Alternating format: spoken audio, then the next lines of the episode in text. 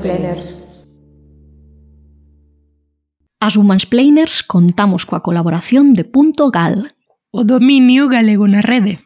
O dominio que axuda a topar todos os contidos en galego. Compra un dominio.gal a través dos seus registradores. Podes atopalos en dominio.gal. Dominio.gal.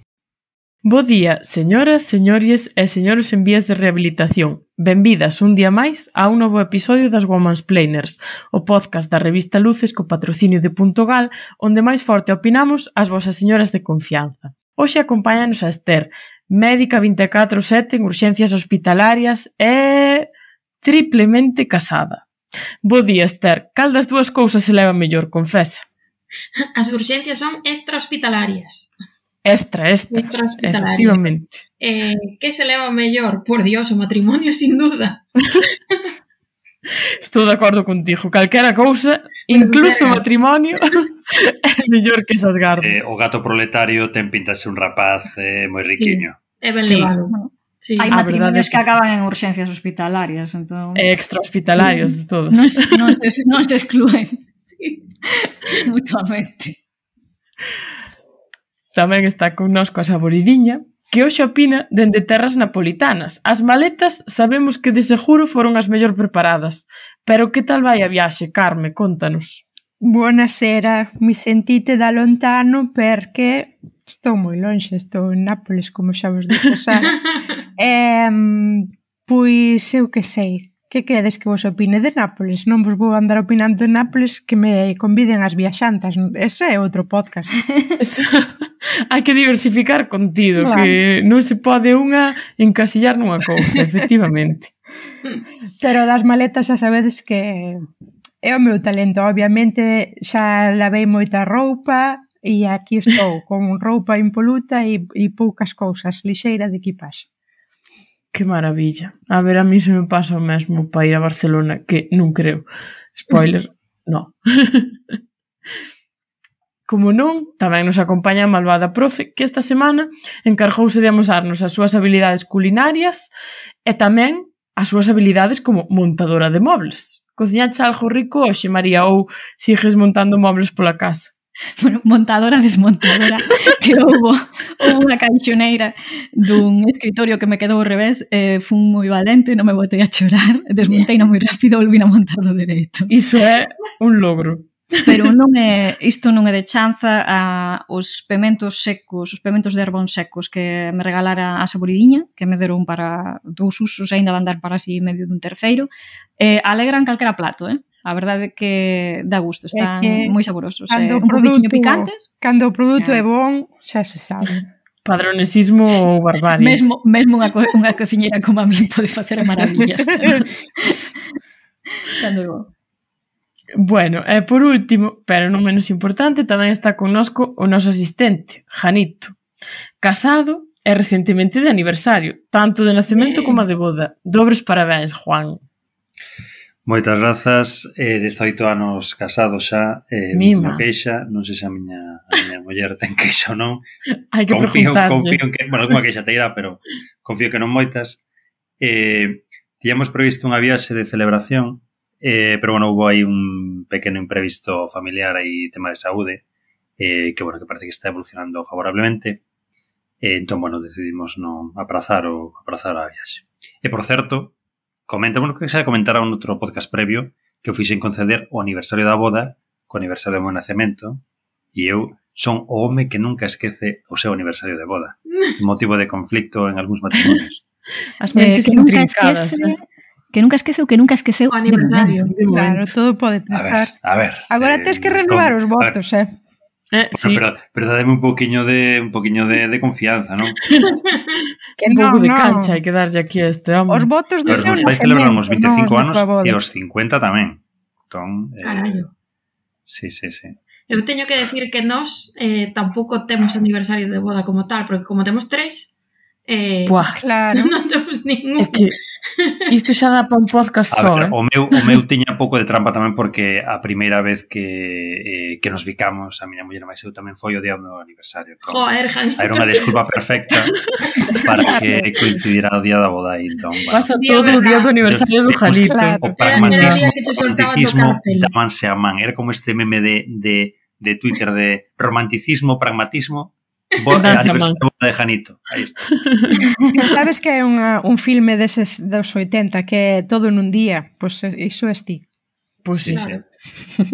sí, bueno, Ferris Bueller's Day Out. Este non era out, que era in. Bueno, perdón. bueno, mira, pois eh, vou empezar eu eh, eh, preguntando, eu teño a miña resposta persoal, non? pero por que casa a xente? Porque Ainda hai, hai persoas que escollen alternativas ao matrimonio eh, como a unión civil eh, non sei, por que escolle a xente unha cousa ou a outra non sei algunha de vos que, que queira opinar Home, que opina que está casada? Que opina casada, primeiro. o resto estamos aquí de escoito. Como non levanta manciña. Nos eh, casamos eh, simple e llanamente por motivos legales. Iban a extraditar a Javi ao seu país de origen, non. Eh, imaginas? Oye, pois pues eso foi eh, eh, teño unha anécdota curiosa con eso porque da primeira vez que íbamos a firmar eh, a boda anuláronnola porque nos dixeron que solo se firmaban eh, matrimonios de urgencia tipo este que che deporten ao marido. Claro. Mira. E no, eh, nos decidi decidimos casar eh, pois eh, principalmente eso, por ter os papeles amañados e porque ademais eh, o ano ese ano siguiente de que decidimos casar, justo Javi empezou a traballar fora e estábamos separados casi toda a semana e, por exemplo, eh, desto sabe María, o rollo de estar separado da túa parella e se lle pasa algo e tal e non ter ningún te dereito legal, pff, só é un follonazo. E sobre todo no ser gay. Eu vivo o límite, eu vivo o límite ese, non? que pasa calquera cousa e non podo coller un día libre, eh, xa, me, xa me pasou que a miña sobra estivo hospitalizada e eu non Exacto, coller días para ir vela, quero dicir. Un familiar Ocho político que, que se che pon malo e non tes ningún mm. dereito laboral, o sea, unha merda. E segundo pola festa, o sea, que a festa parece que non, pero anima moito. Pero principalmente eso, legalidade. Bueno, eu vou, vou, me, vou contestarme a min mesmo esta, esta esta pregunta que eu mesmo fago e eu casei non só pola festa, non só pola festa, pero eu tamén fixe unha festa que os meus amigos aínda lembran. Sobre todo porque nós fomos, do meu grupo de amigos fomos dos primeiros en casar, todos levamos con parella moitísimos anos, todos con parellas de, pois igual de 20 anos, case todos. Uh -huh. eh, pero poucos poucos estaban casados e casaron to, foron casando todos conforme te, conforme iban tendo fillos. Polos temas por temas legais pero diferentes pero ese é o motivo polo que polo que algunha xente tamén casa polo tema tema dos fillos, por, porque facilita mm. facilita moitos trámites eh, bueno, a hora de, de xestionar cosas legais cos, cos fillos o tema de o tema de, do matrimonio, non? Eh, Sara. Pois eu son un pouco da, da equipa de Esther, eh? eu creo que se nun futuro me caso, vai ser eh, por cuestións legais, máis que por cuestións de tradición, como pode casar outra moita xente que, bueno, que se fixo así toda a vida e que pense, crea, considere que hai que facelo así. Eh, eu creo que máis ben é un rollo práctico, que ao final, senón, pois non sei, é o que dicíades antes, non tens dereito a nada, non como quen di. Eh, as outras modalidades de non sei como chamarlle, unión civil, eu que sei, parella de feito, cousas así, hai moitos dereitos que aínda non están recoñecidos nese tipo de unión. Entón, pois ás veces tampouco che queda outra que casar. E sobre todo a festa. A festa é o máis importante. Eso, iso sí que me fai ilusión. Eh, malvada profe. Pois eu eh, teño que dicir que Eu, por exemplo, nin sequera entendo que siga existindo a figura do, da, da parella de feito ou unión civil, porque é algo que tiña sentido cando se creou por un motivo, que era que había persoas que estaban excluídas do matrimonio. É dicir, cando non había matrimonio igualitario no Estado español, eh, a xente que quería ter algún tipo de protección legal de cara a pensións, dereitos do que falábamos non por temas médicos, etc., precisaba algún tipo de de cobertura legal e, e iso eran o que conseguían coa, coa parella de feito. Pero eh, hoxe en día eu eh, a, a xente que, que coñezo que se inscribiu como parella de feito fixérono simplemente por unha versión ideolóxica propia idea de matrimonio ou, ou, eh, ou a, case a palabra matrimonio, que non lo llamen matrimonio, pero ao revés, non? Eh, que non deixa de chamarme a atención, porque ao final eh, a realidade é que hoxe en día se escolles unha parella de feito por enriba dun matrimonio, o que estás facendo é darte a ti mesmo e darlle a túa parella unha, eh, por así dicilo, un produto, un artículo de segunda calidade eh, en vez dun de primeira, non? Eh, por que escollerías facer iso? A máis de que é moitísimo máis complicado que casar. Porque para ser parella de feito, por exemplo, a miña parella máis eu non poderíamos ser parella de feito, porque non podemos demostrar convivencia. É dicir, para ser parella de feito, tes que demostrar que vives xuntos, que levas non sei canto tempo xuntos, eh, é dicir, que unha parella pois, pública notoria, etc. Non? Eh, eh, chámame realmente a atención. Entón eu, agora, eh, igual que Janito acaba de estar encantado de facerse a sí mesmo esa pregunta de por que casaches, eu pregúntame a mí mesma por que non casamos as persoas que non casamos, que aquí hai maioría de, de solteiras, estamos 3 a, 3 a 2 agora mesmo. Non? en, e penso que unha desas cousas é a propia a ver, que a versión que teñen moitas persoas a idea de matrimonio. Eh, a unha versión quizáis ideolóxica, outra xente ten a versión ao compromiso en xeral ou a burocracia. E moita xente a que lle ten, ao que lle ten a versión é a propia boda, é dicir, non o que ven despois da boda, senón a boda. E eu teño que dicir que claro, eu se caso, que é posible que case, quizáis case, eh, xa volo adianto, casarei con nocturnidade e alevosía. Non farei eh, festón eh, porque é, é algo que non sei se é un tema de é un tema de clase ou de que me, me parece un dispendio tan salvaxe eh, o que se fai nas bodas, non? que me, me chama moita atención. E despois que eu non levo moi ben, creo que non levaría moi ben ser tan centro de atención durante tantas horas.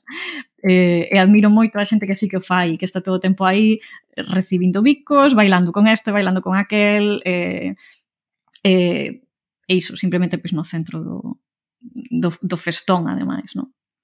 Sabridiña, ti Por que pensas que casa xente? Ou ti por que non casaches? Eu non caso, pois basicamente un pouco por, polo violenta que me sentiría tamén na, na propia festa, non, que dicir, teño que facer un exercicio de sinceridade comigo mesma, se non tolero unha festa de aniversario miña eh, a canción de Parabéns para, para você 10 segundos, que é o momento de atención, como vou aguantar eh, non sei, no Chicolino ou no Che Rivera 12 horas de, de, de festa. eh, Chicolino. Claro, non, non, iso evidentemente xa non, non, é, non é para min. Despois, claro, tamén me crea como eh, certo estrés porque sei que non son a mellor persoa organizando nada.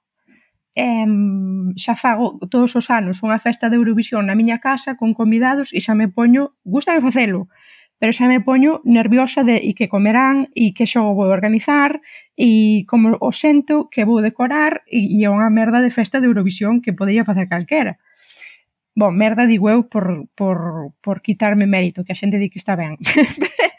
pero, pero, claro, digo, canto menos unha boda. Despois, eh, eu teño unha filla, o meu compañeiro, entón a versión ao compromiso non é porque non imagino un compromiso maior que, que ter un ser vivo a cargo da, de dúas persoas, non? Un ser vivo criado por, por dúas persoas. Ese parece un super compromiso que é un compromiso para sempre. E se fose polas cousas polo, polo legal ou por facilitar non sei que, non sei cantos, é dicir, agora xa estamos nun momento en que o libro de familia como tal non existe. Para o que che piden as cousas E pídenche cousas como o, re, o tomo do, do rexistro, por exemplo, para as cousas dos fillos, o tomo do rexistro civil. E que o libro de familia tamén me parece unha cousa super rancia. Eso tamén dá para outro episodio. É rancio, eh? Sí, e despois, é dicir, eu, pois mira, tamén eh, mm, non teño unha imaxe como de familia alargada, nunca tiven, eh? nunca fun desas parellas de, ah, pois o meu é o teu e entón o teu irmán é como se fose o meu irmán e non vivo esas cousas así. Entón tampouco vivo nada preocupada de se lle pasa algo, non porque lle queira mal a familia política eh, do, do meu compañeiro, sino porque non, non temos esa relación tan estreita. Entón, vivo máis preocupada cando o meu compañeiro sai ao estranxeiro, que sai ao estranxeiro moitas veces no ano, a países onde me parece que supoñen moitas veces un risco porque algúns son países que teñen un conflito bélico, por exemplo, ou tiveron, ou mesmo que non sexa un conflito bélico, son perigosos. Entón, estou máis pendente diso, de se lle pode pasar algo, como podo repatriar o seu corpo, eh, que non por, por cousas de se está hospitalizado que fago. Non, e, e, e porque eu realmente nese, neses, neses casos tamén diría, pois, mesmo sen estar casada, inventaría calquera peripecia no instituto que me tocase e diría, pois eh, teño, non sei, infección de orina. E entón iría eh, ver o meu compañeiro igual e colocaría calquera excusa no traballo. Dicir, por, por eso, ese non sería o meu argumento para casar e xa non o foi e por eso non estou casada. Se non se equivocaron ao pinchar, xa saben que isto é a actualidade está sobrevalorada, un podcast de luces, e que debullaremos o que faga falta con Ana Luisa Bouza, analista fina estilista. Hola, Ana. Hola, José Manuel. E con Antón Losada, Mariñan Lover e Rudo Fajador. Hola, Antón. Hello. Aquí estoy para este party. estamos, a verdad que estamos todos, todos un pouco paralizados polo descubrimento que acabamos de facer. Sí sobre que é o que move Abrindo realmente o, o Partido Popular de Galicia. Mira, eu pensaba que era Galicia, Galicia, Galicia, e no. No. Que nos pode invadir Zamora.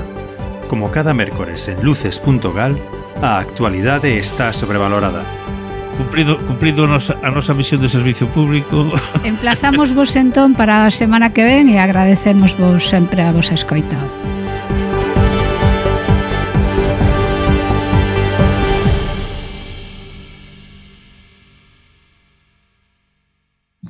Sí, eu polo que, polo que dicías, Carme, por exemplo, dos, dos libros de familia, E que os libros de familia sempre foron unha ranciedade. Eu penso no ridículo de que eh, eu teña un libro de familia onde constan que a miña familia son meu pai e miña nai. Cando eu nacín, o meu pai e a miña nai xa non eran familia. É dicir, eu, e, meu pai, miña nai, mas eu nunca fomos unha familia. Por que temos que ter un libro de familia, non? É un pouco un absurdo usar iso como eh, instrumento de filiación de alguma medida, de alguma maneira, supoño que debería de abondar tamén co, coa partida de nacemento do, do pai e da nai, se estás inscrito no registro como fillo de ambos, pois non debería de ser sí, sí, moi problemático. Que agora xa non se usa para nada, é dicir, a miña filla xa non ten libro sí. de familia, non porque non esteamos casados, é que xa, xa non é un documento que circule, é dicir, eh, eu fixen todo co propio tomo do, do registro, mm, sen ningún tipo de problema. Eu que cando era cativa, a miña nai sempre contou unha anécdota de dunha vez falando, e agora non me lembro, non sei se non sería un, un conductor dun autobús, un taxista ou algo así, que eu que sei, me debo de preguntar pola miña familia eh, nunha viaxe longa ou o que for, e que eu eh, lle expliquei que meus pais non estaban casados ou que a miña tía non estaba casada. E basicamente que dicindo no, é que na miña familia non está moi de moda iso de casar, porque é verdade que nin a miña nai estaba casada coa súa parella, nin a miña tía, que tivo un fillo e tal coa súa parella, estaba casada, nin a miña outra tía maior eh, eh, casou nunca coa súa parella da que agora é viúva, non? Pero claro, iso tamén me deu moito para ver eh, as luces e as sombras de non estar de non estar casado, non? E unha delas pois pode ser que se a túa parella ten unha morte accidental, non poidas eh, recoñecer o seu corpo. E precises dunha autorización de algún familiar que pode estar a moitos centro, centos ou miles de kilómetros. Eh, porque iso, pois nesa situación podes quedar eh, legalmente moi desamparada. Tamén Mm, chegado o momento sen acceso á túa propia vivenda, eh, si, está, si é propiedade da túa parella ou algo polo estilo. Eh, que, vamos, si todo o mundo é xente decente de ben, non ten por que pasar nada, pero podería pasar algunha cousa grave, en realidade. Mm. Eh, E, bueno, ia contar a anécdota da miña tía, unha delas a miña tía pequena, que, que casou na, na Illa de Arousa cun fillo, eu creo que tiña xa o meu, o meu curmán, se non lembro mal, 10 ou 11 anos e acabaron casando os seus pais por insistencia del que quería irlles a boda. Entón, é moi gracioso, non? Como os nenos, ás veces as novas xeracións veñen máis conservadoras eh, do que foron nunca seus pais. Esther.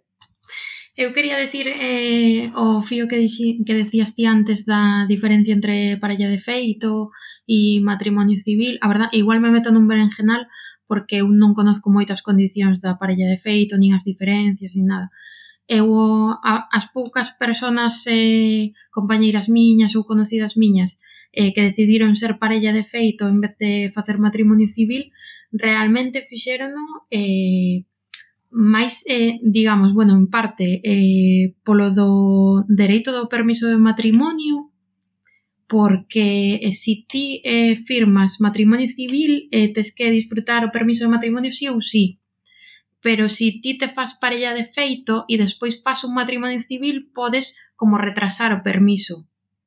E isto, mm, o mellor, eh, a maioría da xente non lle supón un problema, pero a xente que, por exemplo, nos ergas que temos mogollón de, de contratos eh, que non son indefinidos, de xente que ten contratos precarios, eh, pois claro, hai moita xente que espera a ter un contrato un pouco máis largo para poder disfrutar o permiso de matrimonio con tranquilidade.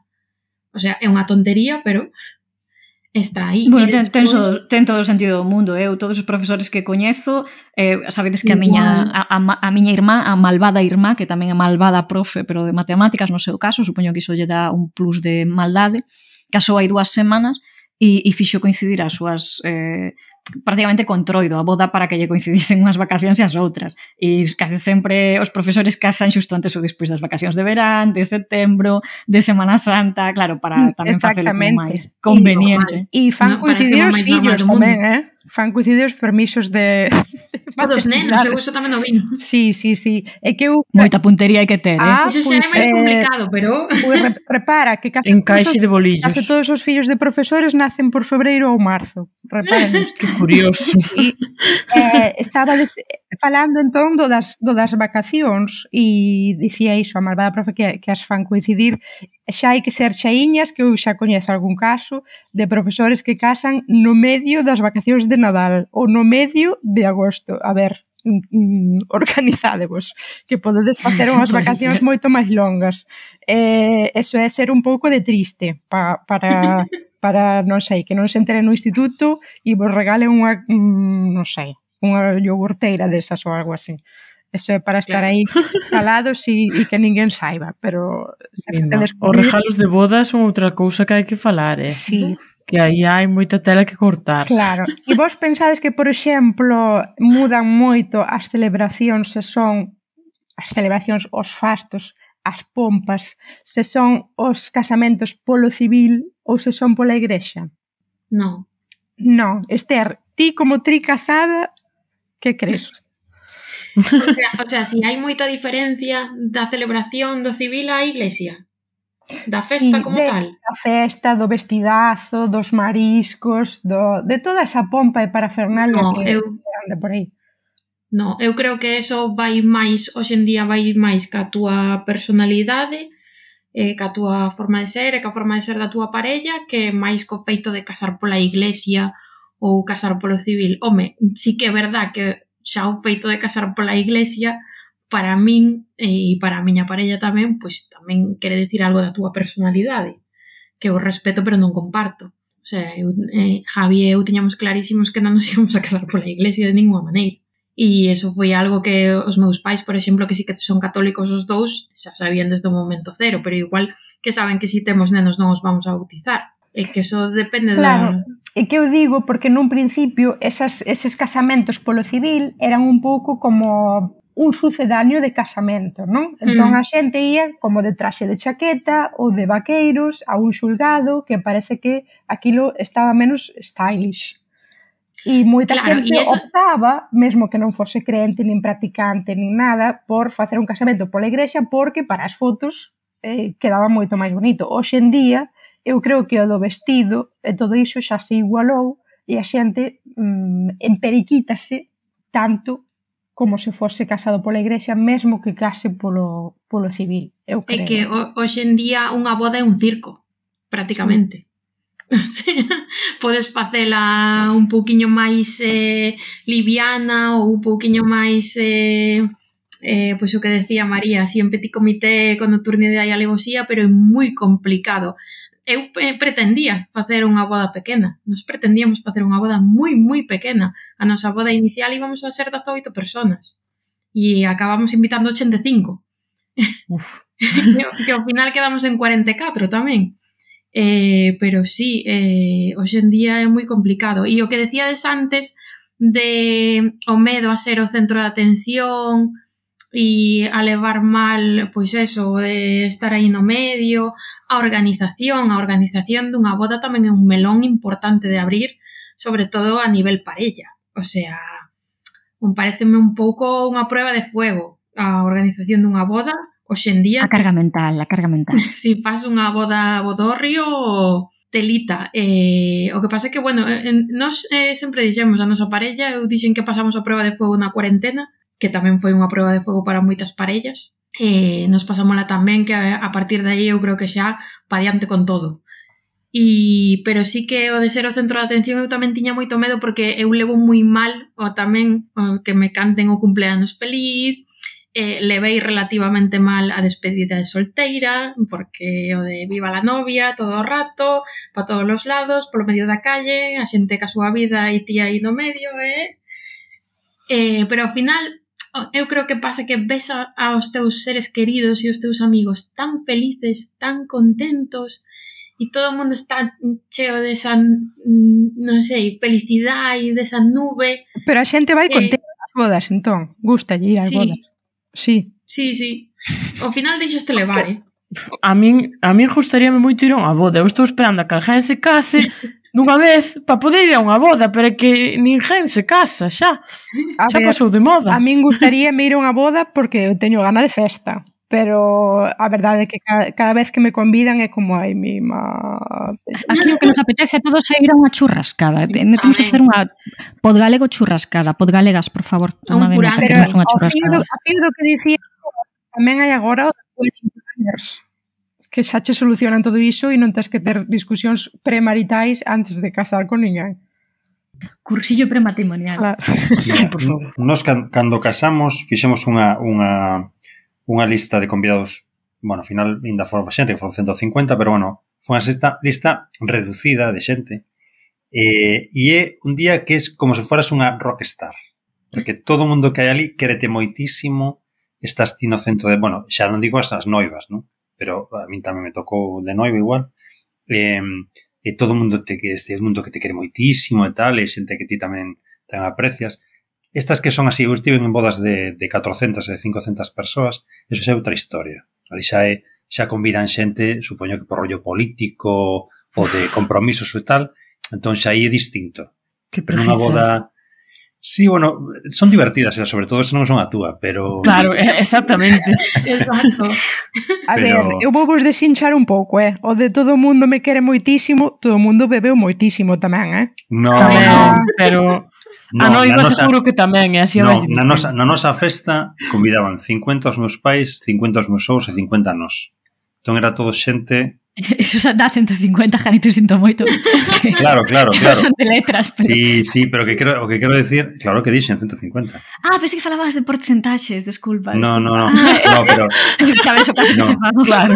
no, pero rollo é que, que eran todos xente... Claro, de feito, eh, o, que, o que agora é o meu cuñado, o que, o sea, o que está casado coa miña cuñada, que é coñecido meu de, de sempre, de, bueno, de hai moitos anos, o coñezo dende que, bueno, dende hai igual 30 anos que o coñezo, non? e non estivo convidado na nosa boda porque eu restrinxín o, o, os, os amigos a un núcleo moi pequeno se convidara a 5 ou 10 persoas máis, estaría o que agora é o home da miña cuñada, estaría tamén convidado na, bo, na boda e non estivo. E, e os meus pais tamén convidaron o, mi, o mínimo, mínimo, mínimo, porque non xa fixeran boda o meu irmán e a miña irmá xa, xa, xa casaran tamén, e xa convidaran a, a máis xente e tal. E os meus sogros tamén convidaran a moi pouca xente. Feito, o meu sogro ten moitísimos, moitísimos irmáns e irmás, convidou a dous ou tres, me parece. Pero xa outro tema que xa xa tema de, de familia, non? Sí, sí.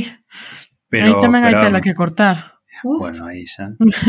eh, bueno, entón, iso que o tema de o tema das festas que sí que é un día que mola moitísimo. Mogollón. Mola e ti, moitísimo. ti decías, Janito, eh, que hai tantísima xente e que te sintes como unha rockstar e que si a novia é o centro de atención, ollo, o novio tamén hasta o punto de que os novios, os dous, son o centro de atención e eles entre eles casi non se ven.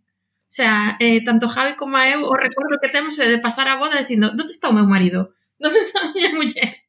Porque todo o rato estabas con xente. Solamente recordarvos que está escritando un podcast de xente con moi bo gusto. A xente que escoita o podcast ten que estar super cómoda, en plan, non entendo de que están falando, es de dos hippies. Malva e Duarte falan de misterios, un podcast da revista Luces. Teño que marchar. Nos, o noso objetivo tivo unha cousa peculiar na nosa boda é que casamos no balneario de Mondariz. Ai, que bonito. Eh, lamentablemente casamos nun ano que estaba en, que estaba en no que estaba en obras do Templo da Auga, que é onde casan onde casan a xente ali no, no ese, nesta fonte que deseñou Palacios. Nos casamos nun, nun salón dentro do dentro do edificio balneario.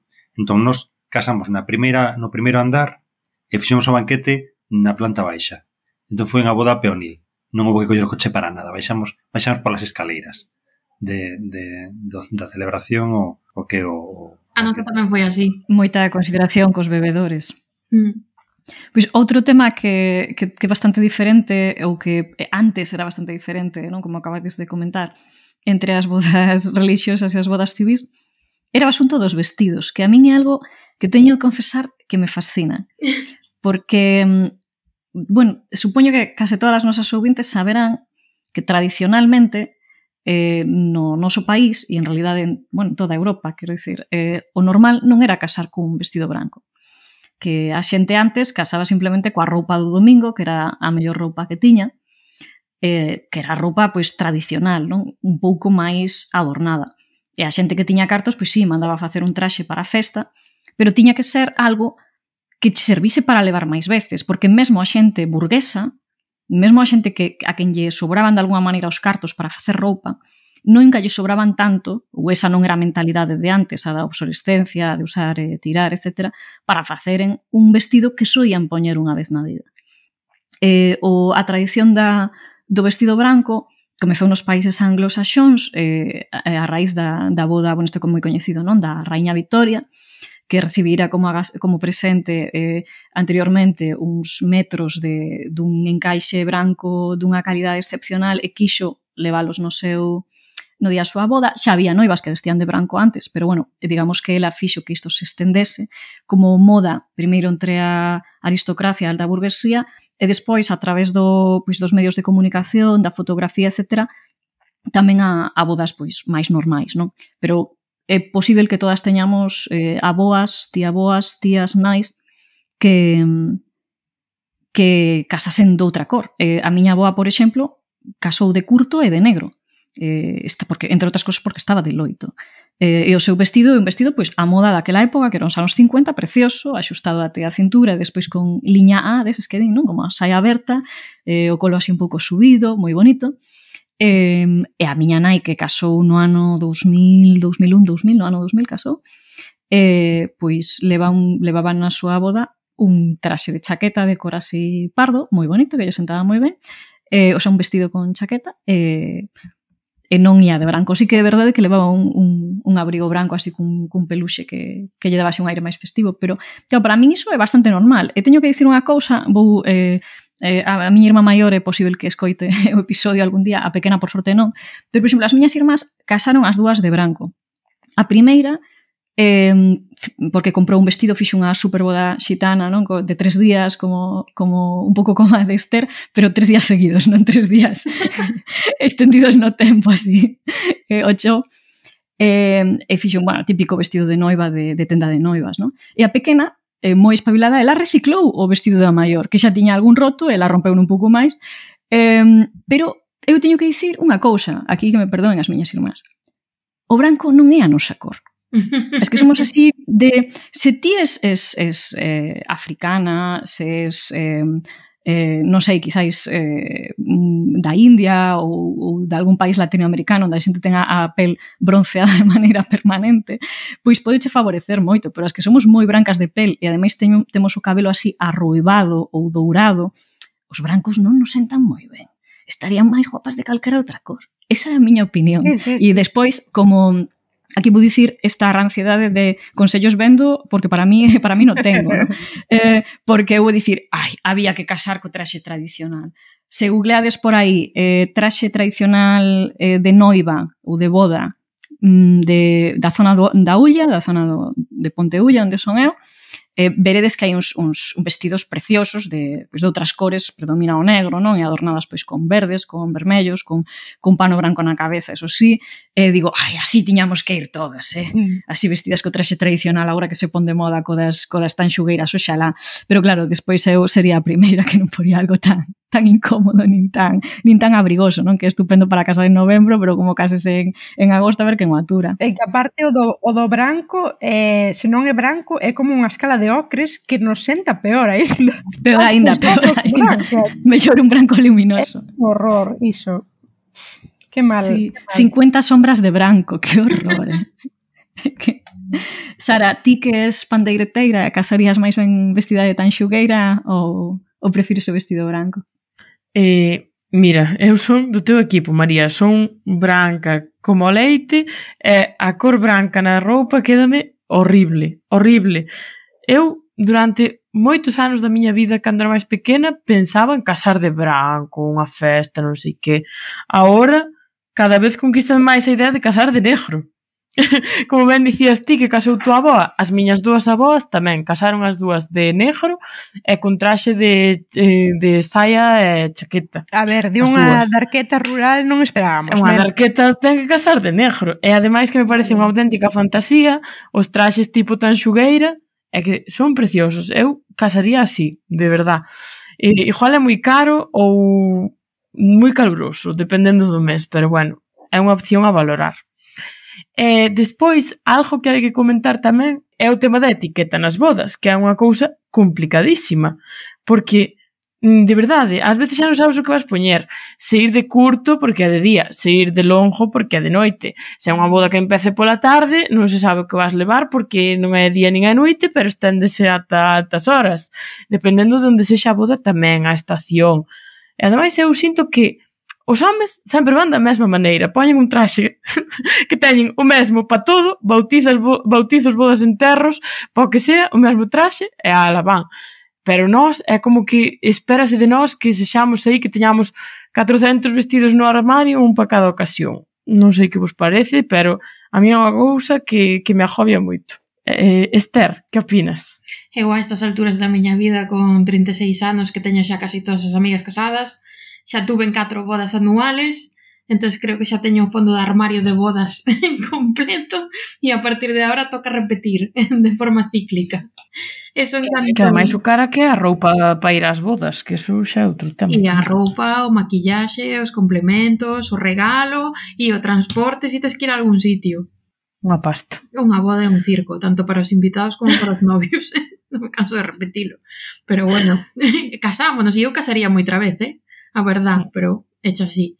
E en canto traxe de novia, uf, a verdade é que eu son moi rancia nese aspecto, sinto moito, pero a min flipan máis fotos e, claro, obviamente, queres ir guapa e diste, pois é que, claro, como non, como non me vou a poder a poñer un vestido de princesa que o que eu me sinta mm, a máis guapa do mundo ese día? Claro que sí, agora, eh, eu sí que quixen ir de blanco porque me apetecía. Tamén tuve bastante drama co tema dos vestidos, bueno, aparte do tema da talla, que tamén sería outro melón a abrir, eh, que tuve en algunha tienda de noivas donde directamente me dixeron aquí non temos nada para ti.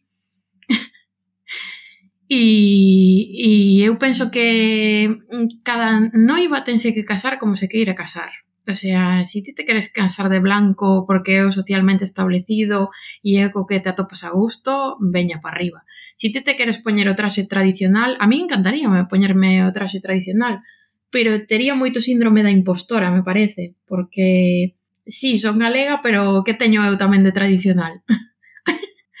eh, e encantaríame casarme de negro, pero non... Eu víame de blanco. E, por exemplo, a min isto pasoume non tanto co vestido, pero sí co maquillaje. Cando eu quixen escoller como me quería arreglar e tal, eh, o típico, entras en Pinterest, Instagram, tal, buscas inspiración para pedirlle a rapaza que che maquilla como queres ir, tal, non sei que, e todas as noivas. Que si barra de labios nude, que si sombra de ollo rosa, que si todo clariño, que si todo super tal. E eu decía... As básicas. Eu quero levar purpurina. O sea, nos ollos. Xa.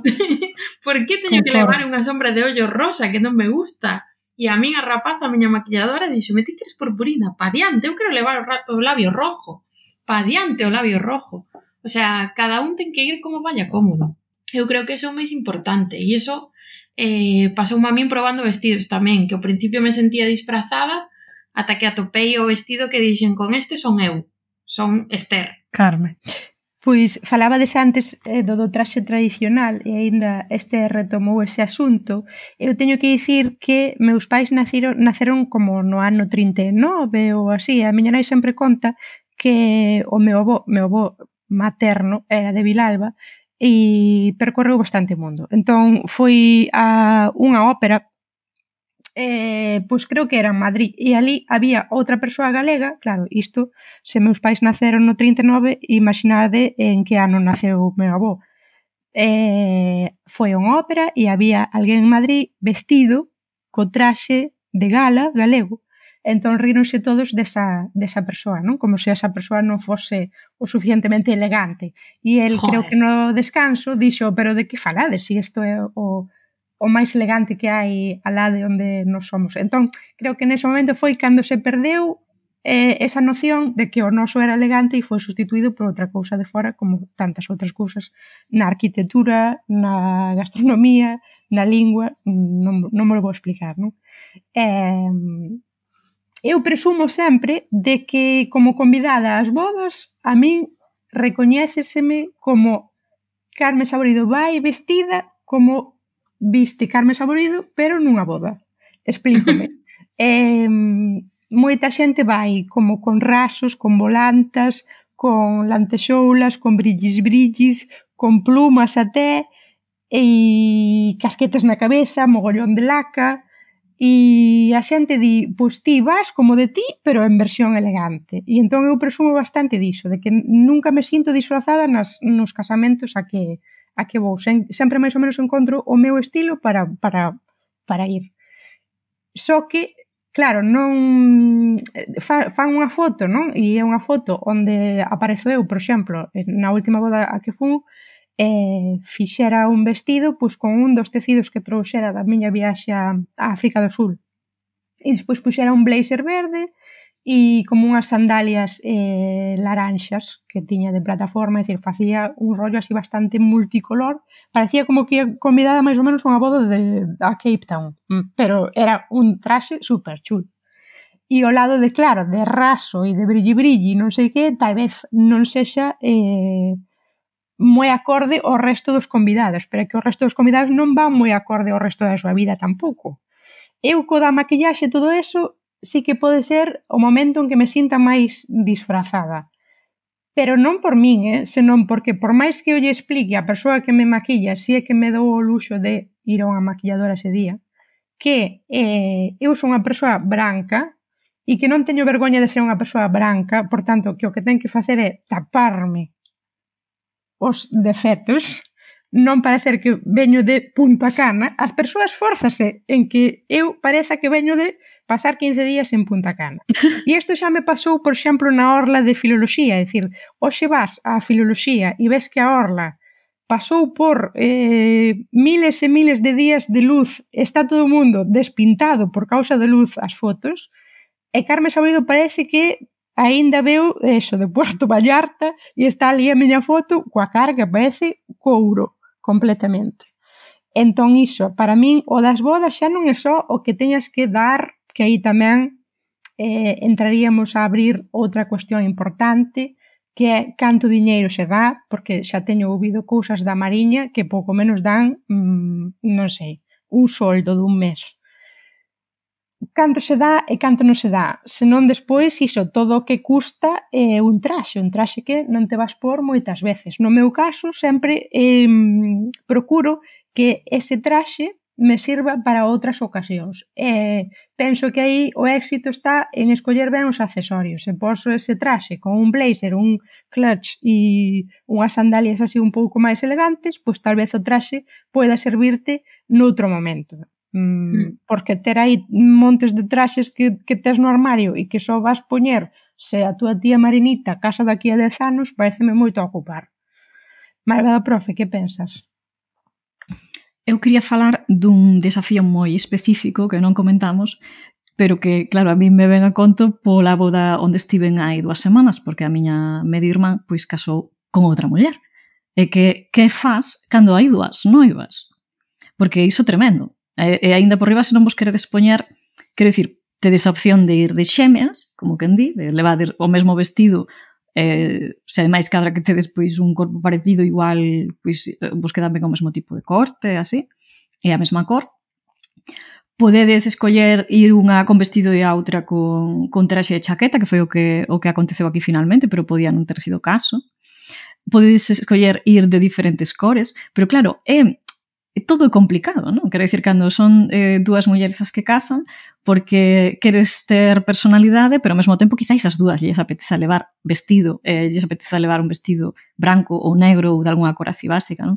E as dúas fixeron super ben para ir ademais conxuntadas porque unha levaba o, o traxe eh, branco, a outra o vestido branco, e despois levaban as dúas eh, com, eh, complementos en accesorios en en cores verde brillante, que a máis é unha cor pois que lles favorecía moito as dúas, non? Eh, unha levaba un fular, e a outra unha chaqueta de coiro verde, e, e uns zapatos verdes, cun vestido por debaixo de noiva relativamente, bueno, non super tradicional no sentido que non era longo, pero era destes que son un pouco máis curtos por diante, e despois teñen algo de cola por detrás. E a verdade é que era moi moi eh, moi, parecía pois moi funcional e, e moi favorecedor.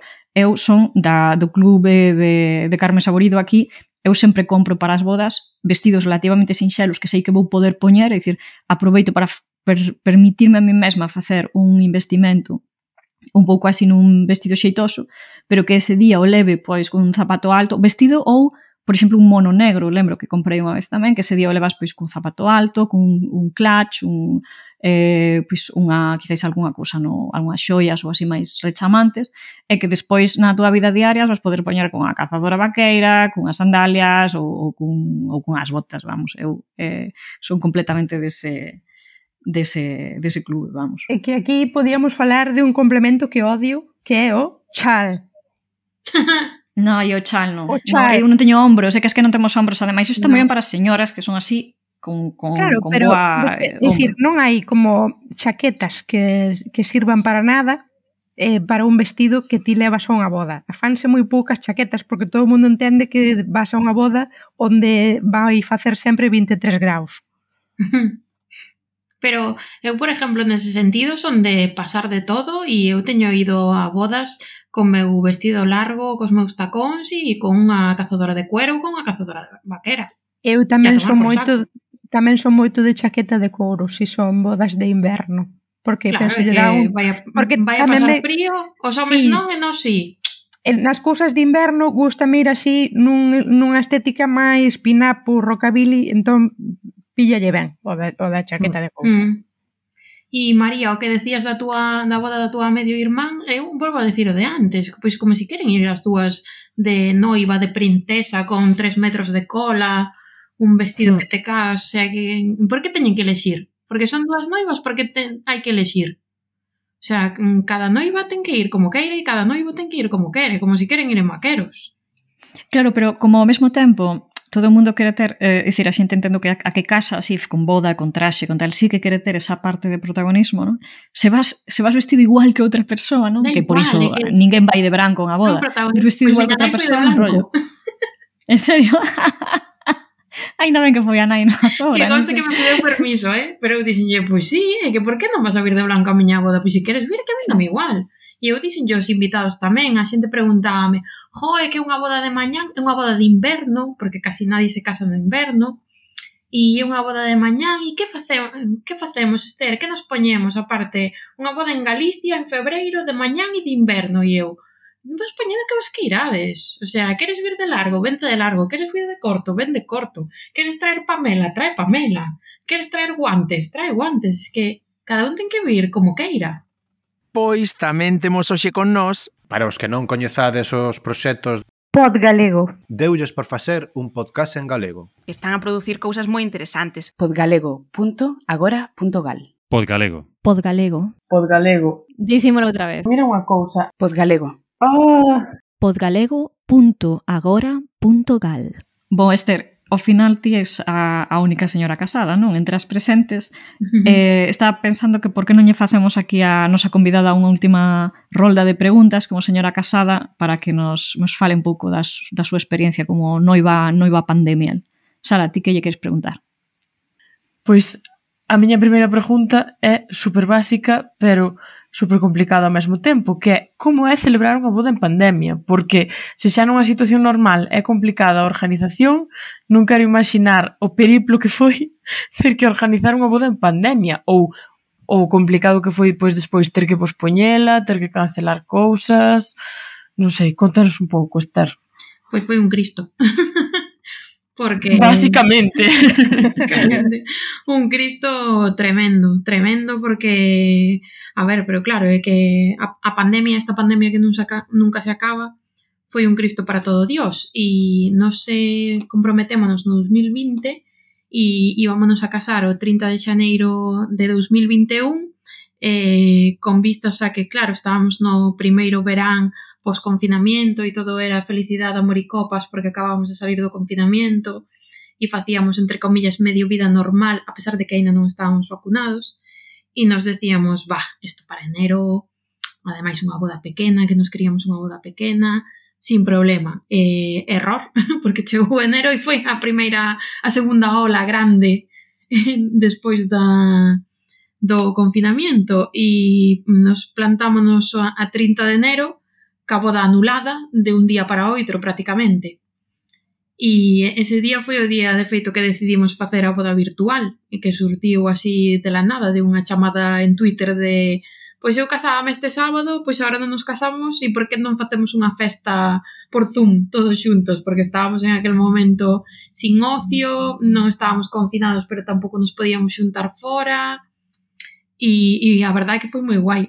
eu teño aí cinco horas de videollamada cos meus amigos, terminamos ás 3 da mañán, eh, aí hubo de todo, hubo vivan los novios, hubo confeti, hubo champán, hubo festa, cada unha na súa casa, hubo xente confinada na súa casa celebrando a boda por Zoom.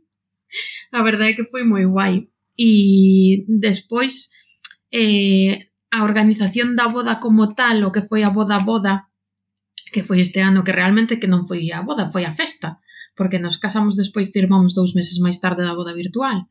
O sea que cando fixemos a festa, agora levábamos un ano casado xa.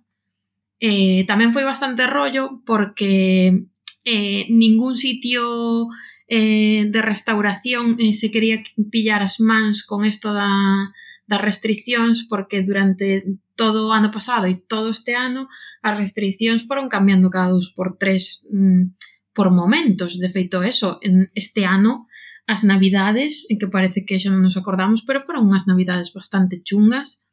E nos este ano casamos o 5 de febreiro e o 4 de enero eh, caeuse nos máis da mitad dos invitados por culpa do tema do COVID porque a xente estaba moi asustada.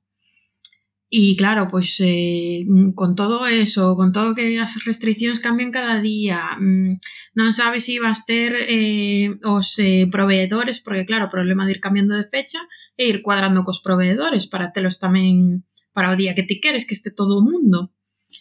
Un Cristo. Pero bueno, mm, a verdade é que ao final salou todo ben e eu xa digo, eu casaríame esta semana outra vez. Esther, e agora falabas un pouco das restriccións que tiñas, porque tamén había restriccións de agrupamentos, non? Que non podías ter moita xente xunta, baixo o mesmo teito, Mm. Quería preguntarche entón como é esa selección de convidados e convidadas, é dicir, van a unha boda van, porque hai varias ópticas, non? Van persoas que actualmente fan parte da túa vida, van persoas con que tes lazos de sangue, entón aí tes un pouco un compromiso de tes que convidar a túa prima finita que tal vez nin teñas ningún tipo de relación, pero como tes un lazo de sangue, pois vai un pouco así ese compromiso por parte de teus pais, tal hmm. vez. Mm ou porque Finita xa te convidou a non sei que, entón hai que devolver iso. Sí. Eh, ou van persoas que marcaran moito o percurso da tua vida e un pouco un agradecimento a iso, mesmo que hoxe non teñas moita relación, vas comidalas. Pois eh, eu creo que aquí un pouco como dixen antes co, do, co da etiqueta. Eh, eu creo que para a xente que se vai a casar o mellor consello a hora de organizar os invitados é eh, que ti penses que a boda é túa O sea, os que casades sodes vos. E por moito que mm, haya mm, cousas ben vistas eh, de forma familiar ou cousas ben vistas no traballo ou compromisos ou etcétera, o sea, os que organizades a boda sodes vos, ti e máis a túa parella. Entón, vos tendes que facer o que vos que irades e que vos estedes felices. E nos aí, aparte, eh, claro, contábamos mm, co handicap, entre comillas, económico tamén, porque claro, eu por min invitaría a 450 personas, porque non podo pagar unha boda de 450 personas. Podía pagar unha boda de X personas, nos botamos contas e chegamos aí un pouco ao fío de decir, sí, pois hasta aquí podía, poderíamos chegar, se as cousas van así, hasta aquí non. E ao final o que fixemos foi o que nos fixo nos máis felices. Invitamos aos nosos familiares máis cercanos e aos nosos amigos máis cercanos e toda a xente que estaba invitada eh, era toda xente moi querida e así nos sentimos tamén nós. Eu hai unha cousa da que quería preguntar tamén, que, que algo que non sei de ti, non sei se chegaches a facer despedida de solteira. Eh, se non a fixeches, se quererías facela ou que che parecen as despedidas de solteira, porque a verdade, só estive nunha na miña vida, entón eh, foi unha cousa así bastante, bo, pequena dentro do que tal, porque era, era en Alemanha e ali se fan de outra maneira pero, pero non sei, tiveches unha despedida solteira así máis o uso? Pois tuven, tuven. Isto un pouco tamén eh, como como eso, como ti que irás facer a boda, eu creo que como ti eres, mm, seguramente van a ser as túas amigas. Entón, as miñas amigas eh, sabían que eu non quería rollo mm, a lo influencer de secuestramos che nun avión e ímonos a outro país. O sea, eu dixen as miñas amigas, a min levadesme de churrascada un sábado e eu son feliz con vos. e, e foi así como foi. Eh, o problema da miña despedida de solteira, que ao final sí que tuven, pero foi así bastante atragantada, foi como non a pandemia, porque a miña despedida de solteira foi recién terminadas as navidades e en aquel momento estaba o pico de COVID bastante, bastante chungo. De feito, íbamos a ser, non sei se 20 personas ou unha cousa así, ao final fomos seis. E a despedida de solteira foi aquí, en Vigo, foi moi guai. En botín de menos os penes na cabeza, a verdade que sí. A mí, pues, wow. dentro de... ¡No! no, me digas eso. De que todo o mundo che señale pola calle porque Mima. estás de celebración. Pues mira, tío, pues levo un pene na cabeza. E unha cousa que me parece importante é eh, que se di, eh, por que se celebran as despedidas de solteira? Pois é que parece unha tontería, pero non sei se sabedes eh, que cando te casas eh, é o, o momento no que deixas de ser solteira para sempre. Ti unha vez que te casas, cambias de estado civil, non vas a volver a ser solteira nunca. O sea, eh, vas a ser ou divorciada, ou viuda, ou outra vez casada, pero nunca vas a volver a ser solteira. Pero iso non o celebra xa na boda, e que a min xa me parece un prolongar, porque eu teño ido ao, ao último casamento a que fun, fixeron despedida, que non fun, fixeron preboda nun barco e boda. Entón, sí. para mí... Que maravilla, eu apunto a todo. Para, para mí foi un pouco demais. Sí, sí, e despois sí no propio convite, no propio convite, había despedidas... un, había un número de conta, como non, porque puñan que, que lles faría moi felices facer unha viaxe a Nova York. Claro, eu non caso e entendo que estou perdendo oportunidades de viaxes pagas, porque son unha pringada que vai co meu compañeiro, cos nosos cartos, a, a varios sitios, pudendo facer unha boda e colocar un número de conta. A mí estes rollos eh, parecen No, que, eu son anti número de cuenta. Nos, de que feito, non sei, non, que non sei se a peña a, aproveita para viaxar. Ai, non sei, ao mellor hai xente que sí, pero nós en ese sentido non. E non, nin puxemos número de cuenta, nin pedimos cartos, nin sacamos cartos, nin amortizamos a inversión da boda. Nos gastamos o que pensamos que podíamos gastar para ter os nosos convidados felices e para pasálonos ben, e aí están esos cartos gastados. e non, non se pagan as bodas. O menos sei, o mellor si te lo montas así, poñendo número de cuenta e pedíndolle todo Dios, oye, eu xa vin sitios... Que hai, eu digo che que hai bodas que sí, eh? porque sí, eu, eu, eu, xa, xa o poñen no, na, na invitación. Sí, pero eu vin xente que incluso... Eu, eu xa me decir, sentí moitas veces a, a convidada que vai pagar a boda, eh? Ou me pagas porque, o plato porque ou non te invito. Moitas veces, por que me estás hmm. convidando a isto? Si, si xa non temos case É dicir, por que me convidas a min se xa case non hai nin, nin relación, sabes? Entón, vías que nas outras mesas había xente do teu perfil, de, de, de que non había ali nada que se sostiña, ningún tipo de lazo xa, e, era un rollo máis monetario de ver se facemos eso, faite un crowdfunding para, para mm. facer unha viaxe, pagas unha boda, que me mandes a min comprar nada, desplazarme a non sei que sitio, non sei que non sei cantos, Eu xa digo, debe de ser unha pringada que non fai crowdfundings deses para estar aquí ahora en Nápoles, que estou gastando da, da miña pasta. Ainda estás a tempo que podes, ti podes achegar certificado de solteiría. Exactamente. Nos como xa estábamos moi en contra deso, de todo o circo de gastar e que a xente gaste, no, nin invitamos a 400 personas, nin sacamos cartos, nin nada. Mozas, eu teño unha última pregunta para todas que ten que ver, como sempre recomendamos así algún produto cultural, exposicións, películas, libros, eh, música que vos guste relacionada con eh, bodas eh, ou as cousas que a rodean. Eh, hai algo que queirades recomendar? Uf. Carmen, ti tiñas algo, verdade? Sí, eu tiña unha canción que é que se chama, penso, non sei se Astrid ou Astrid, eh, e que agora tiña aquí o, a lapela onde tiña o documento aberto e non sei que lle dei porque estou nun computador que non é o meu e sinto unha señora de 60 anos que non se dá ninguna tecla e se lle dou a tecla as cousas desaparecen. Entón podedes velo mellor vos que a mí non sei se é Astrid ou Astrid pero a canción chamase La Boda é o título. E basicamente é un convite para que non te cases. sí, sí, a Astrid.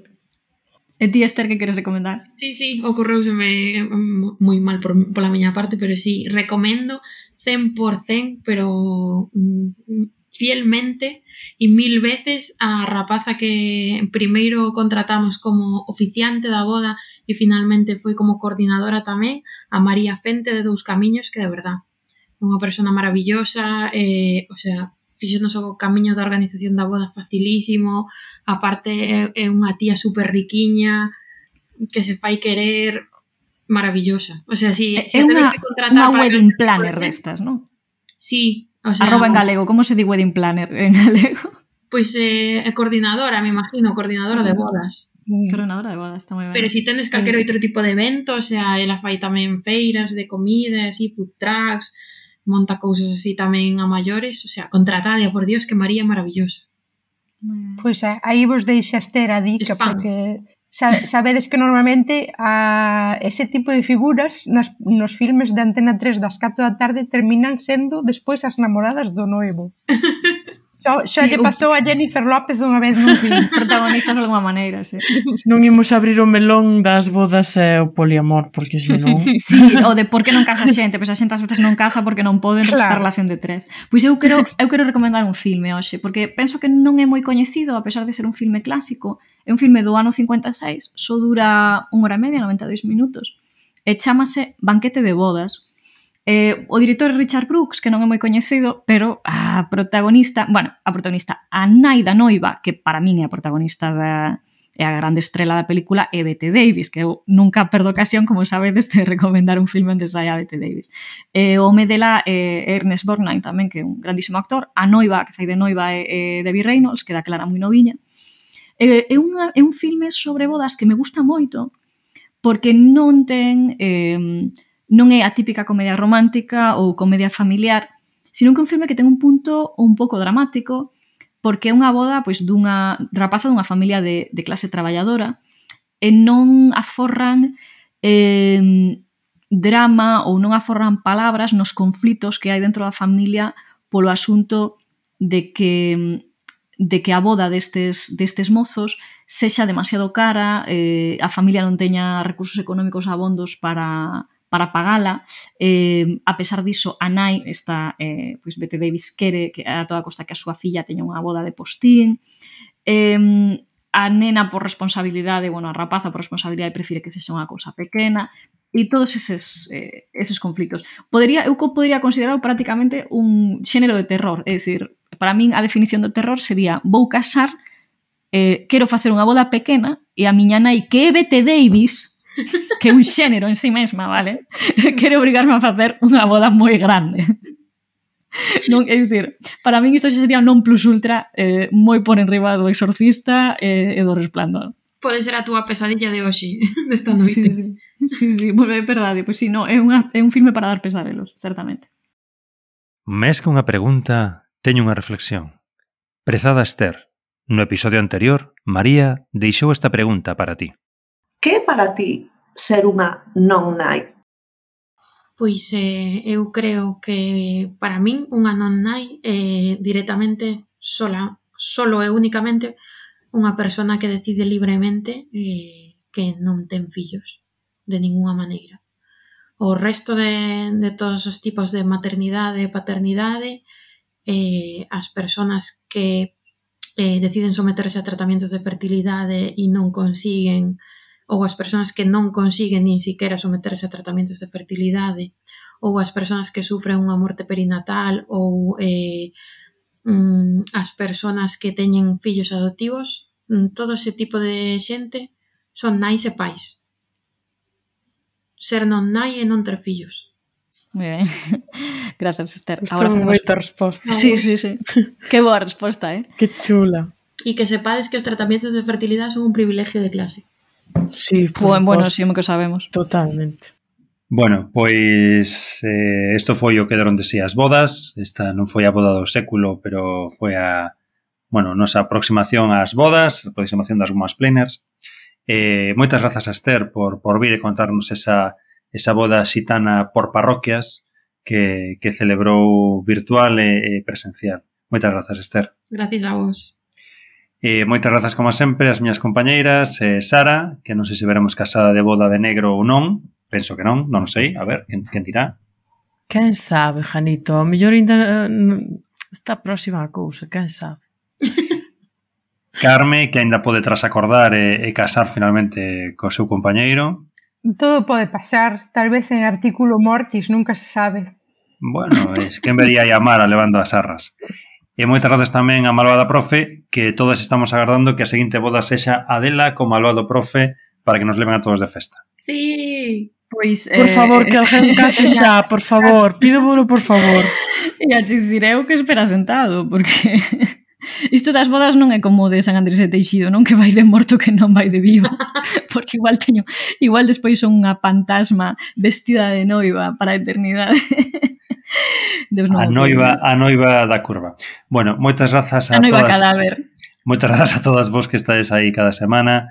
Eh, desculpade polo atraso de, de na publicación esta semana. Eh, tedesnos tamén o martes en Coac FM a mediodía. E moitas grazas, por suposto, a noso patrocinador.gal. Vémonos a semana que ven. Apertas. Chao, chao. Chao, chao. Chao.